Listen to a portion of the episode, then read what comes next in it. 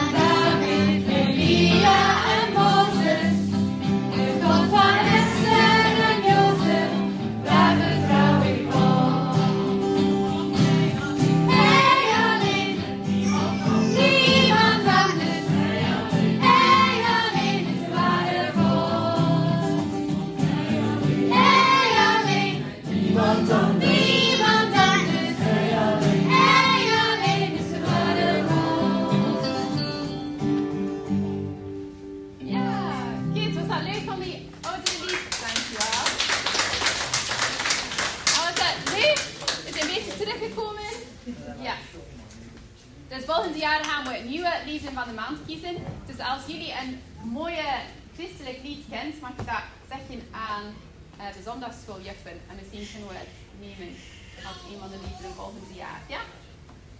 Oké, okay, en wij gaan nu naar het park. Dus als je een jasje wil, dan neem de jasje van je mama en papa en dan gaan we naar het park gaan. Ja? Oké, okay, jullie zijn niet zo enthousiast.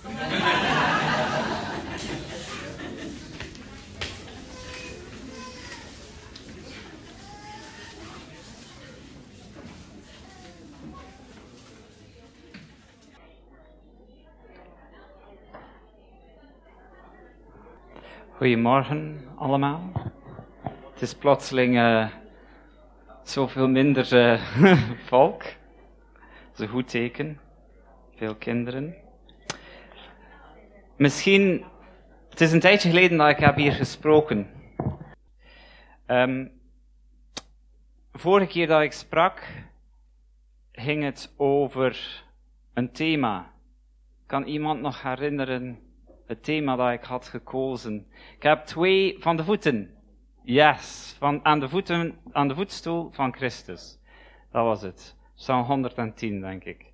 En daarvoor was het ook een preek over voeten, en dat was op, uh, uit Genesis 3. Um, ehm, God die wandelt in de tuin met Adam en Eva. En in het begin van die reeks preken had ik voorgesteld aan jullie om, als er een bepaalde passage over het thema van voeten is, dat je dat gerust aan mij kunt laten weten. En dan zal ik daarover spreken. En één iemand heeft dat gedaan. Idis.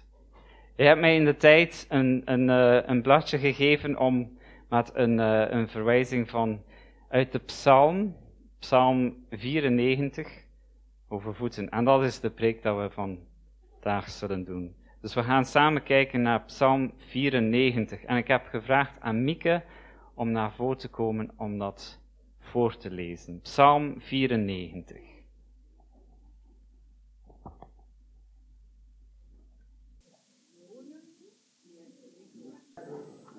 God der wrake, Heere, God der wrake, verschijn in lichtglans.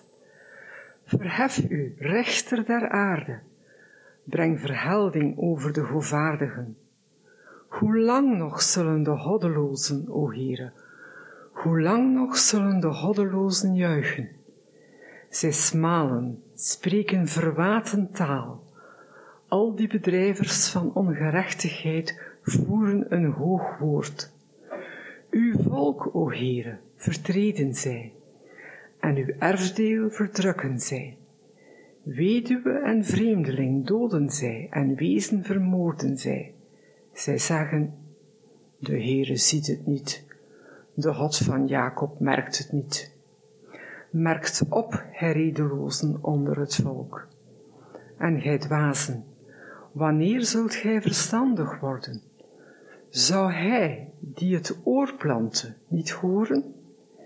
Die het oog vormde, niet zien? Zou hij, die de volken onderwijst, niet straffen? Hij, die de mens kennis leert. De Heere kent de gedachten der mensen. Ijdelheid zijn zij. Welzalig de man die gij kastijdt, Heere, die gij onderwijst uit uw wet, om hem rust te verlenen van de dagen des onheils terwijl voor de goddeloze de kuil gegraven wordt. Want de Heere zal zijn volk niet verstoten en zijn erfdeel niet verlaten. Want de rechtspraak zal weer rechtvaardig worden. Alle oprechten van hart zullen zich daarbij aansluiten. Wie treedt voor mij op tegen de slechtaards? Wie stelt zich voor mij tegen de bedrijvers van ongerechtigheid? Indien de Heere mijn hulp niet was geweest, mijn ziel zou bijna in de stilte gewoond hebben. En als ik dacht, mijn voet wankelt, dan ondersteunde mij uw goedertierenheid, o Heere. Bij de veelheid van mijn gedachten in mijn binnenste verkwikten uw vertroostingen mijn ziel. Hebt gij iets gemeen met de zetel van het verderf, die onder schijn van recht onheil sticht? Zij maken jacht op het leven van de rechtvaardige, en onschuldig bloed verklaren zij schuldig. Maar de Heere was mij tot een burcht, en mijn God de rots mijner toevlucht. Hij toch verholt hun het onrecht, in hun boosheid verdelgde hij hen. Hij, de Heere onze God, verdelgde hen. Goed. Met de oorlog in Oekraïne is onrecht plotseling opnieuw dichtbij gekomen.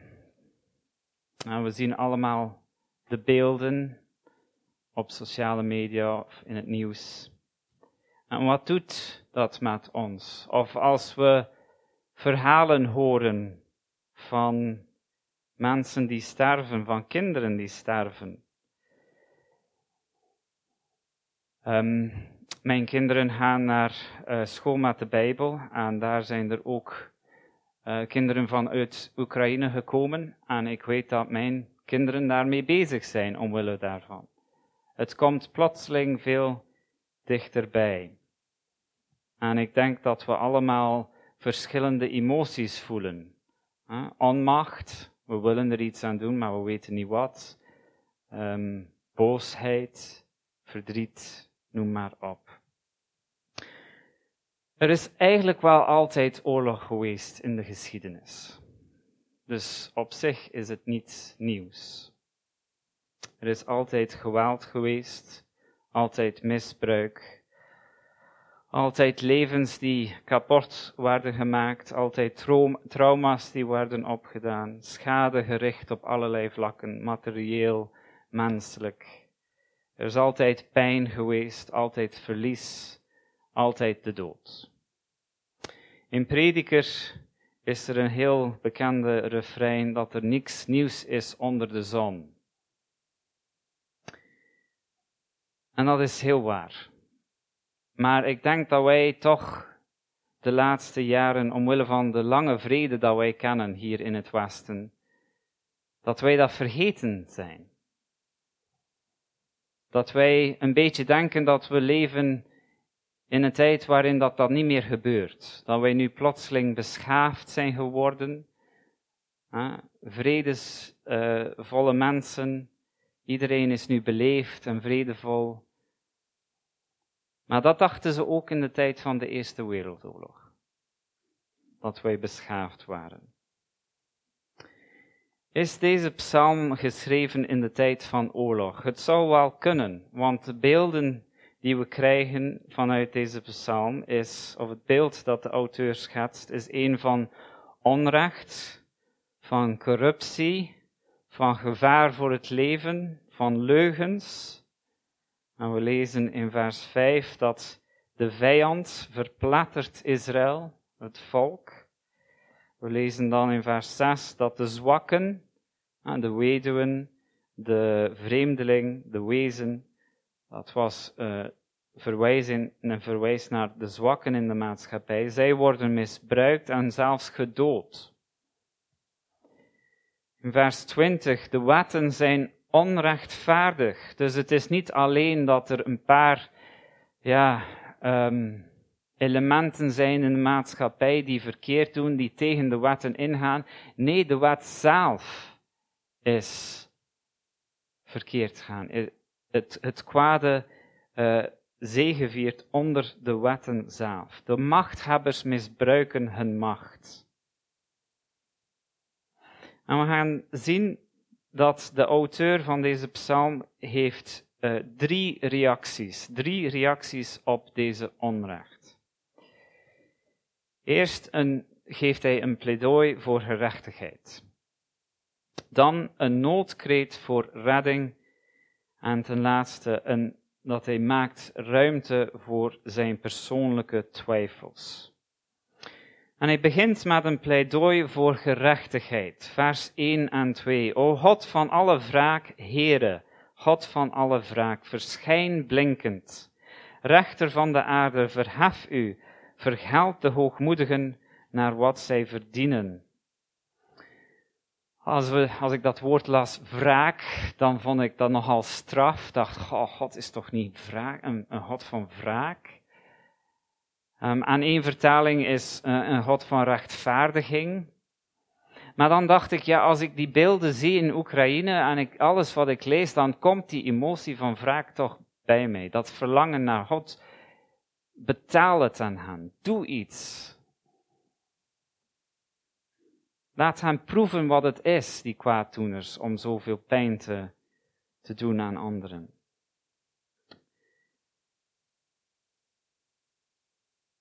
En hier is inderdaad dat beeld van God die moet als het ware wakker worden. Verhef u, verschijn, toon uzelf. Laat van uzelf zien. Doe iets. Word wakker.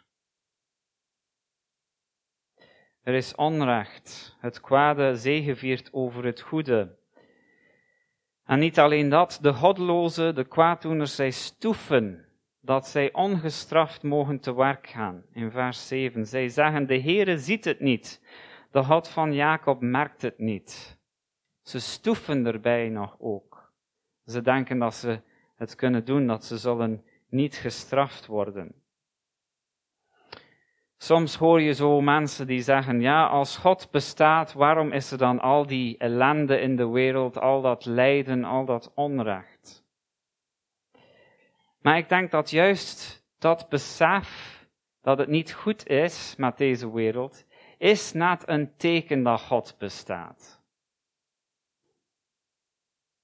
Die beelden die we zien van onrecht, dat moet ons choqueren. Als het ons niet choqueert, dan is het er iets mis. Dus na het feit dat die beelden iets oproepen in ons naar een verlangen naar gerechtigheid, dat is voor mij een teken dat God wel bestaat en dat Hij ziet en dat er wel recht is en komt. Ik heb onlangs de trailer gezien voor de film Norseman. Het is niet een film dat ik ga willen zien, want het is nogal geweldig, maar het schetst een beeld van de wereld voor christendom in Europa. In het noorden van Europa, in de Scandinavische landen. En het, was een wereld vol van angst, vol van bijgeloof. Een wereld van bloedvettes, van afrekeningen, waar dat het elk stam voor zichzelf was. Een wereld waarin dat er zeker geen sprake was van universele rechten of ja, een menselijkheid, wat het betekent om een, een mens te zijn en wat de mens ja, heeft als rechten. En het is dankzij de schriften zoals deze psalm, waarin er wordt geroepen tot een God van gerechtigheid als reactie op onrecht, dat wij vandaag nu gevoelig zijn voor onrecht. Want vroeger was dat niet zo. Het is omwille van het invloed van deze schriften van de Bijbel dat wij nu onrecht, dat dat iets oproept in ons. Dat dat wordt gezien als verkeerd. Ik wil het nog uh, straffer zeggen. Wanneer wij pijn voelen als reactie op onrecht, dan delen wij eigenlijk in de pijn en verdriet die God voelt. Dus wanneer wij pijn voelen als reactie op onrecht, dan delen wij in Gods verdriet en pijn. En dat dan is de eerste reactie van de auteur op onrecht. Het is wat de Bijbel soms noemt klaagzang, of in het Engels lament. Klaagliederen, lamentations. Het klagen tot God behoort, denk ik, tot het takenpakket van de kerk. In Romeinen 8 lezen we dat wij die de eerstelingen van de geest hebben, ook wij zelf zuchten. Samen met heel de schepping zuchten wij. Dat hoort erbij. De kerk is geroepen om te voelen, om die pijn te voelen, om te delen in de pijn van deze gebroken wereld. Is er ruimte voor klaagzang in jouw geestelijk leven? Deel je mee in Gods pijn en verdriet wanneer je onrecht ziet? Raakt het jou aan? En is er ruimte in het leven van de kerk voor klaagzang? Ik denk aan de liederen die we zingen hiervan voor. Hebben we een goede, gezonde evenwicht tussen hoera, joepie, ik ben gered, en God, doe iets met deze wereld.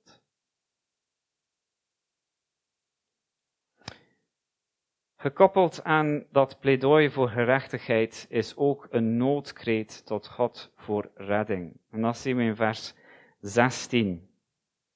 Wie zal voor mij opkomen tegen de kwaaddoeners? Wie zal zich voor mij opstellen tegen wie onrecht bedrijven? Het viel mij op in die vers dat, dat er een verschil is met datgene dat er voorkomt. Want hier lezen we, is het, is het heel persoonlijk geworden. Nu schrijft de psalmist, wie zal mij redden? En ik denk dat de auteur een onderscheid maakt tussen het volk Israël en hem persoonlijk. Dus de eerste versen gaan allemaal erover wie zal Israël als volk redden. Wie gaat, zal God opkomen voor Israël. Maar dan vanaf vers 16 wordt het plotseling heel persoonlijk. Wie zal mij redden? Wie zal mij redden van onrecht? Dus aan de ene kant, het volk verkeert in gevaar, de zwakken worden misbruikt, de gerechtigheid van God wordt in vraag gesteld. En ik denk eigenlijk is de auteur vrij snel om hier duidelijk een antwoord op te geven. Want in vers 8 en tot en met 10 lezen we, let op, onverstandigen onder het volk, dwazen, wanneer zult u verstandig worden? Zou hij die het oor plant niet horen? Zou hij die het oog vormt niet zien? Zou hij die de heidenvolken bestraft niet straffen? Hij die de mens kennis bijbrengt? Dus hij komt vrij snel tot de conclusie, God zal wel ingrijpen. God is een God van rechtvaardigheid. Hij, hij ziet, hij hoort. Hij zal wel iets doen. En de Israëlieten die beweren dat God niet zal ingrijpen, zij zijn de dwazen, de onverstandigen. Die hebben het mis, want God ziet en hoort alles. En hij tucht, hij onderricht de naties in vers 10. Dus, vers 14, hij zal het volk niet verlaten, want de Heere zal zijn volk niet in de steek laten.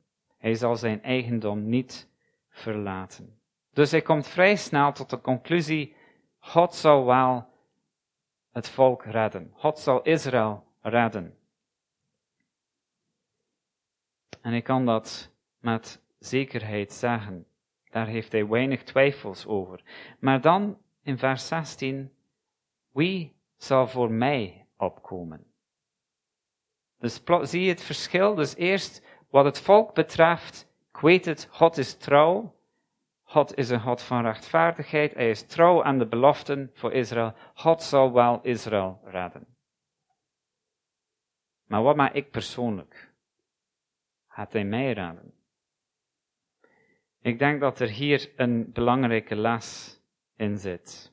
Het is één iets om op de zondag te zingen, God is trouw en liefdevol. Het is iets heel anders wanneer dat iemand geconfronteerd is met onrecht, met gevaar, met lijden, met verlies, om dan te kunnen zeggen, God is liefdevol. Het is het verschil tussen iets weten met ons verstand en iets weten in ons hart. Misschien herkent u dat in uw eigen leven. Soms wordt het plots heel moeilijk. Wanneer dat het ons persoonlijk aantast. Wanneer het onrecht heel dichtbij komt. En dan is het misschien niet meer zo gemakkelijk om mee te zingen op de zondag. Maar we lezen dat de auteur van deze psalm toch tot een punt komt van vertrouwen. Want op naar het einde toe van de psalm in vers 22 lezen we het volgende. Maar de Heere is mij een veilige vesting geweest. Mijn God is mij tot een rots, mijn toevlucht. Opnieuw, het is heel persoonlijk. Hij is dus ook tot de conclusie gekomen, God zal niet alleen Israël redden, maar hij zal zorgen voor mij, voor ik persoonlijk. Hij is mijn toevlucht. Hoe is hij tot deze plaats gekomen van zekerheid, van rust? Want dat lezen we in vers 18 en 19. Toen ik zei, mijn voet wankelt, ondersteunde uw goedertierenheid mij, heren. Toen mijn gedachten binnen in, mijn, in mij zich vermenigvuldigden, verkwikten uw vertroostingen mijn ziel.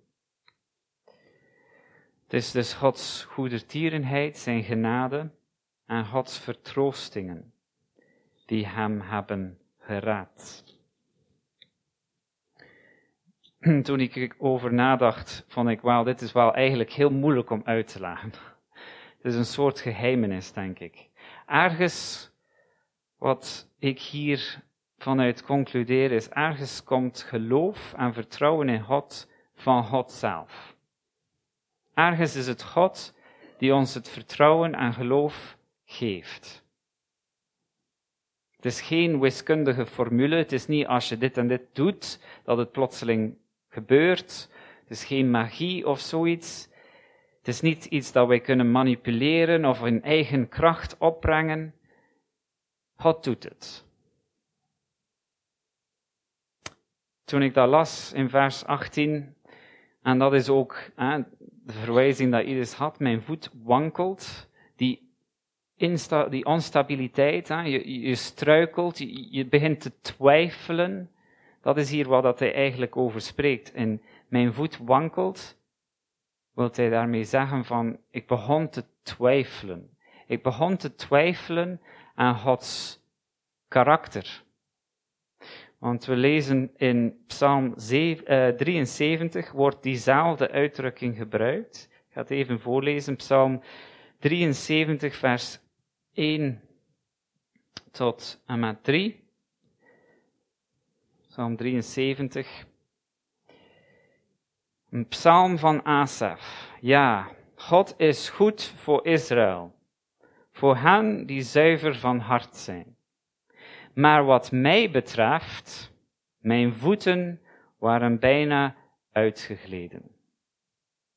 Mijn schreden waren haast uitgeschoten, want ik was jaloers op de dwazen, toen ik de vrede van de godlozen zag. Opnieuw dat beeld van struikelen, van je, je voeten die bijna uitglijden, mijn voeten die wankelen. En opnieuw dat verschil. Ja, God is goed voor Israël, maar wat mij betreft, ik was bijna aan het wankelen. Ik begon te twijfelen. Ik twijfelde aan Gods karakter. God is goed, maar waarom zijn de godlozen dan zo aan het lijken dat ze aan het winnen zijn? Ik was jaloers op de dwazen toen ik de vrede van de godlozen zag. Opnieuw diezelfde vraag van hoe kan God een God van gerechtigheid zijn als er zoveel onrecht is? En opnieuw dat verschil tussen, ja, God is trouw aan Israël, aan zijn beloften, maar wat met mij persoonlijk? En dat is dus wat hij mee bedoelt als hij zegt, mijn voet wankelt. Ik begin te twijfelen.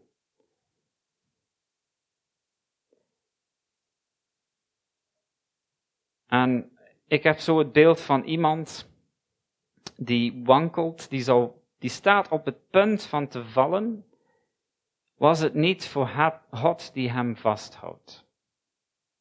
En dat is denk ik het beeld dat hier in, in vers ehm, 18 van Psalm 94, dat het beeld voor dat we moeten voor ogen hebben. Iemand die struikelt, die bijna valt, die bijna zijn geloof verliest, maar God die hem nog vasthoudt, zodat hij niet valt. En misschien heb je dat ook al meegemaakt in je eigen leven. Een punt geraakt in je leven waar je zegt, ik ben op, ik kan niet meer, ik kan geen geloof meer uit mijzelf opbrengen. En misschien heb je dan toch nog Gods kracht kunnen ervaren, dat het was God die jou hielp om verder te gaan. Maar dit toont ook dat in de Bijbel is er ruimte voor twijfel. En dat is een verademing, want ik denk dat we allemaal zo'n momenten hebben of zullen hebben in ons leven. Momenten van twijfel. De Bijbel is eerlijk over het menselijk bestaan. Van de berg tot momenten waar dat we vol geloof zijn, we voelen Gods kracht. We denken, ja, ik kan alles aan, maar God. Tot die momenten waar we echt in de put zitten, we niet meer zien zitten. We twijfelen, bestaat God wel? Ik weet het niet meer. We voelen ons zwak. De Bijbel kent ze beiden. En we mogen vragen hebben. We mogen twijfelen. We mogen die momenten hebben van vreugde, ilatie, waar we denken, ja, vol geloof. Maar ook die momenten waar dat we het niet meer zien zitten. En we mogen ontdekken dat Gods genade groter is dan onze twijfels. Dat zijn karakter niet bepaald wordt door hoeveel geloof wij hebben of niet hebben. God is hetzelfde. Of dat wij nu geloven dat hij bestaat of niet, of wij nu veel geloof hebben of op dat moment weinig geloof, God verandert niet.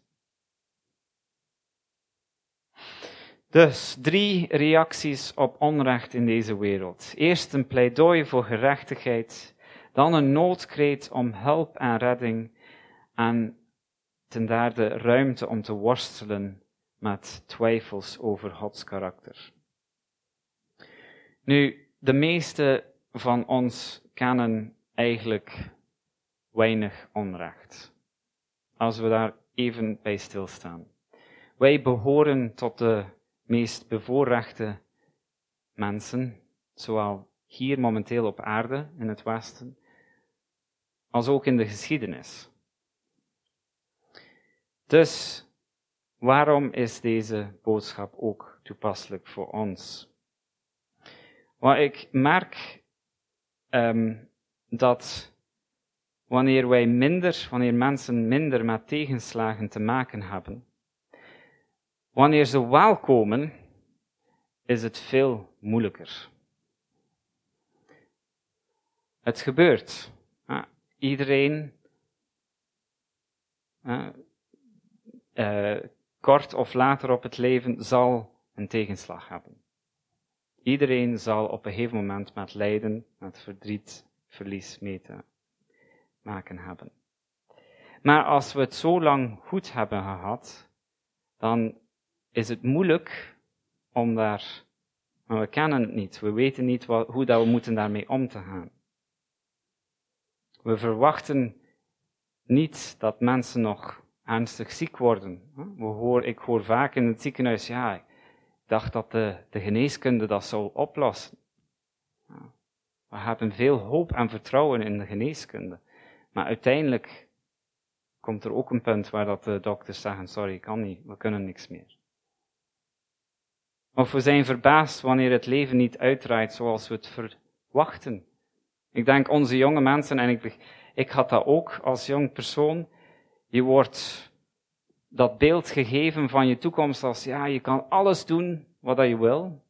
Je kan alles bereiken. Denk aan al die Disney films. Je moet je gewoon zelfvertrouwen hebben en dan kan je alles. Ja.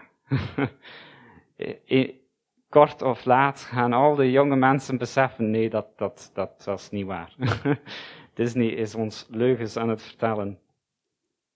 Maar we zijn dan niet gewend om tegenslagen mee te maken. En dus wanneer dat het wel gebeurt, is het moeilijk.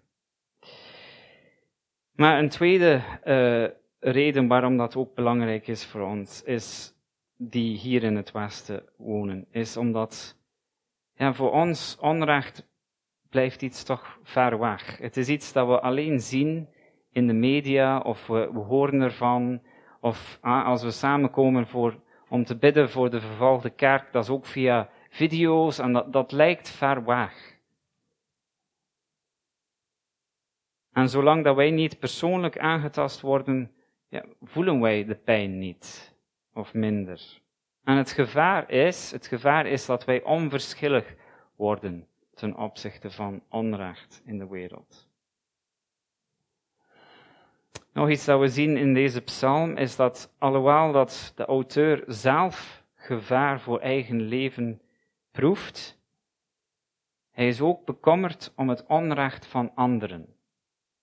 Van de weduwen, de vreemdelingen, de wezen en heel het volk. Hij is ook zelf bekommerd om het onrecht van anderen. Nu, we kunnen niet al de pijn en verdriet van deze gebroken wereld op onze schouders dragen. Jezus heeft dat gedaan, wij hoeven dat niet te doen.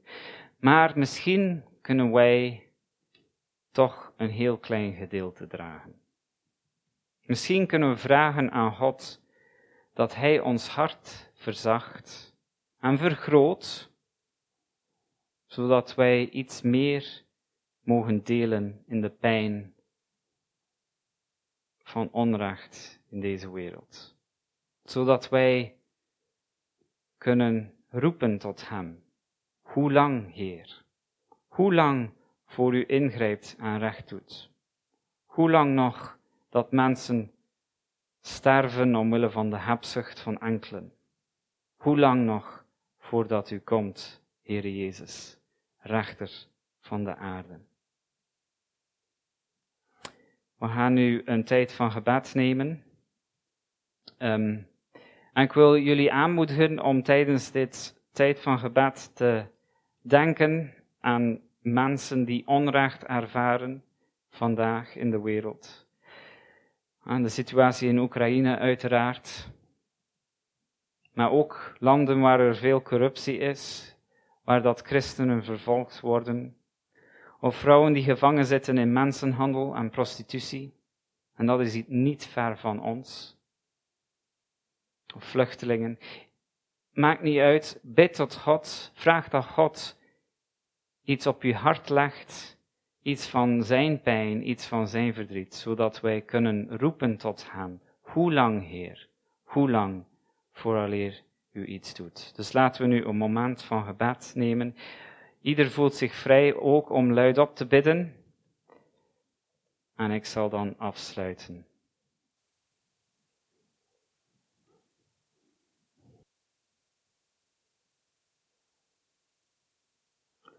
Hoe lang zullen de godloze heren, hoe lang zullen de godlozen van vreugde opspringen, hun mond doen overvloeien, hooghartige taal spreken? Hoe lang zullen allen die onrecht bedrijven zich beroemen? O God van alle wraak, Heere, God van alle wraak, verschijn blinkend, rechter van de aarde, verhef u. Verheld de hoogmoedigen naar wat zij verdienen.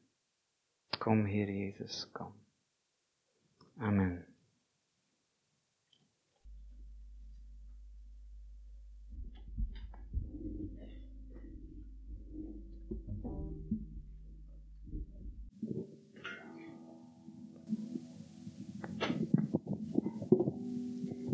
Samen recht staan. We gaan eindigen met een laatste lied. Als een hert dat verlangt naar water.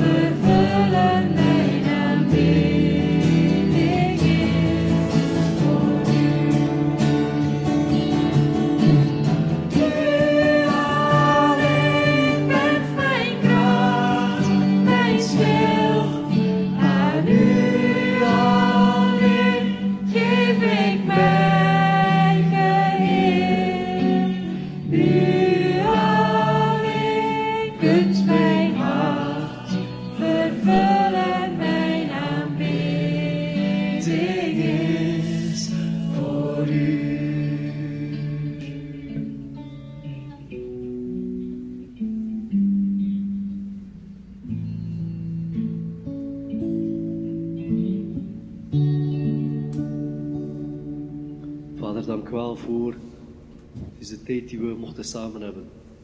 We mochten uw woord ontvangen, we mochten terug bemoedigd worden.